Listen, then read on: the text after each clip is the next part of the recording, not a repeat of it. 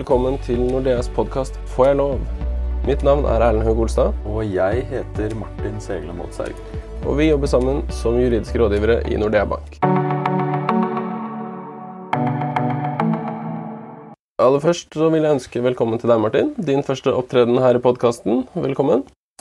Tusen takk. Jeg skal gjøre alt jeg kan for å ikke si for mye dumt. Det setter jeg stor pris på. Dagens episode fortsetter temaet vi har hatt i det siste om uskifta bo, og i dag skal vi fokusere på muligheten for å sitte uskifta bo, og hvordan den påvirkes av at man har særkullsbarn. Nylig så la vi ut noen episoder om hva uskifta bo egentlig er, og hvem som kan sitte i det, og hva det innebærer, så jeg vil anbefale at du går tilbake og hører på de først, for å ha et litt bedre bilde av hva uskifta bo faktisk er.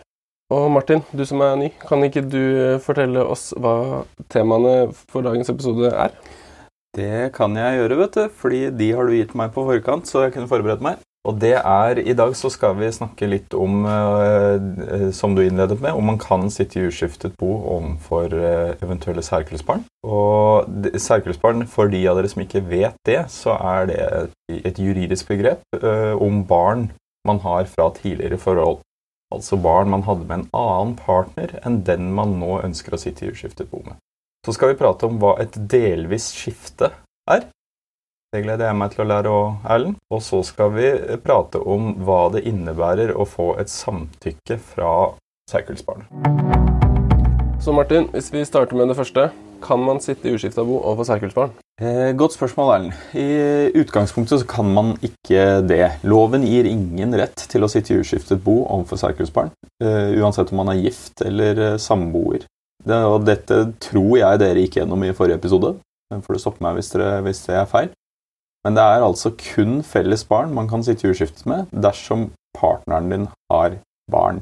Hva kan vi si om eh, grunnen til at det er sånn? Jeg tror at det er fordi særkullsbarnet skal ikke trenge å forholde seg til en risiko for at mor eller fars nye ektefelle skal råde over arvemidlene. Derfor har de i utgangspunktet krav til å få utbetalt arven etter sin forelder når vedkommende faller fra. Det vil være en forholdsmessig del av dødsboet ut fra antall barn avdøde hadde, men da fratrekk for, for samboer eller ektefellearv. For avdøde eh, hadde jo her en ektefelle eller samboer, som også har arverett. Om avdøde var gift og hadde et barn med tidligere ektefelle og ett med nåværende, ville arven derfor blitt fordelt mellom begge barna og med én del til ektefellen. Og så lurer jo jeg på, da, Erlend, eh, hva er et delvis skifte? Ja, det hørte jeg du var spent på i stad, så da skal jeg prøve å fortelle.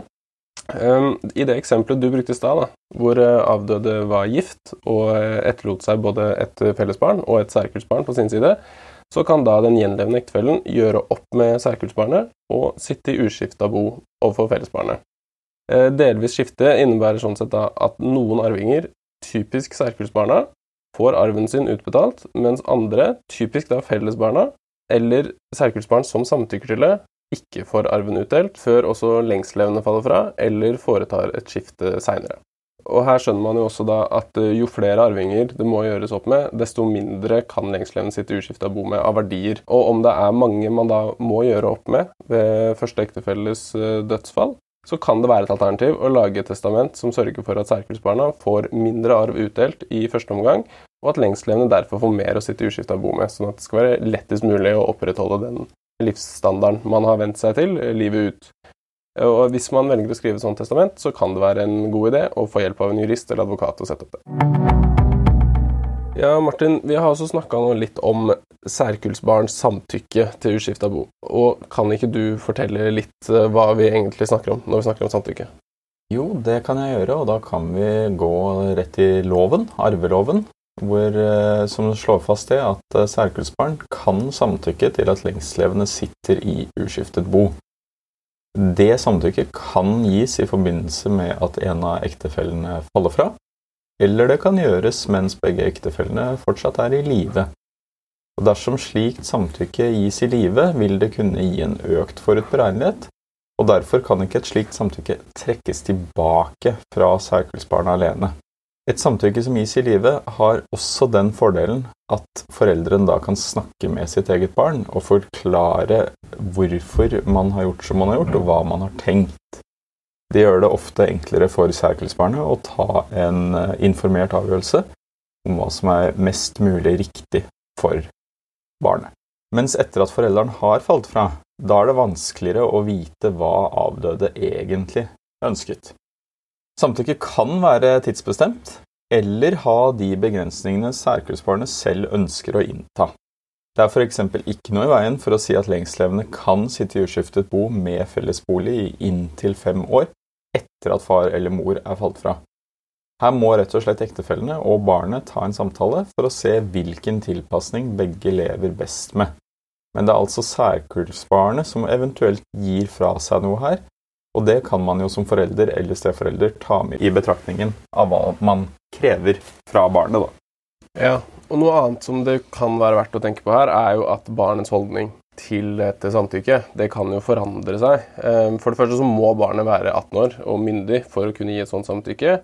Eh, men det er jo på ingen måte utenkelig heller at holdningen til det endrer seg i løpet av livet til barnet. Eh, man kan jo selv tenke da, at hvis mor eller far faller fra når man er i 20-åra og i etableringsfase, så har man eh, større behov for å få arven sin utbetalt. Rett og slett fordi man trenger midlene i den livsfasen, særlig når man da ikke lenger kan få hjelp av sin mor eller far. Men hvis foreldrene først faller fra når man er mer etablert og voksen, så kan det tenkes at man eh, ser på det som et eh, vel så viktig hensyn at stemor eller stefar kan få opprettholde sin levestandard livet ut. Eh, og hvor barnet er og hva det tenker om det, må man da rett og slett bare respektere. For det å gi et sånt samtykke innebærer jo at man gir stemor eller stefar anledning til å disponere over det man ellers skulle ha arva fra sin forelder. Så det er jo en stor tillit å gi fra særkullsbarnet. Ja, og, ha, og har man flere særkullsbarn, så er det ingenting i veien for at noen av barna samtykker til uskiftet bo, mens andre ikke gjør det. I så fall så vil man måtte foreta et eh, delvis skifte, som vi nå lærte i stad mm. hva er, med de barna som ikke åpner for uskiftet bo, mens man sitter da, eller har anledning til å sitte i uskiftet bo overfor de som går med på det.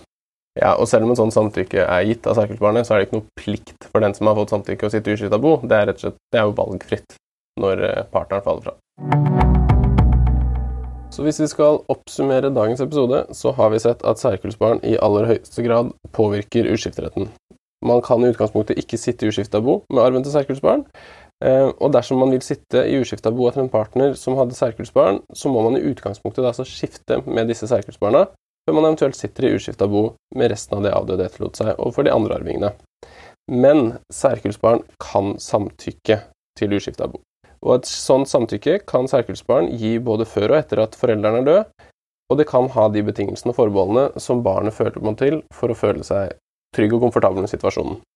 Et sånt samtykke kan da heller ikke trekkes tilbake fra særkullsbarnet alene, nettopp for at partneren til eh, den avdøde skal kunne ha den forutberegneligheten og kunne planlegge livet sitt også dersom partneren skulle falle fra. Da gjenstår det bare for meg å takke for at dere hørte på episoden, og takke deg, Martin, for at du deltok. Vi er også ute med en episode nå som handler om hvordan man skifter det uskifta boet, og jeg håper dere har lyst til å høre på den også. Det skal jeg, i hvert fall jeg gjøre, Erlend. Takk for at jeg fikk være med. Takk for nå.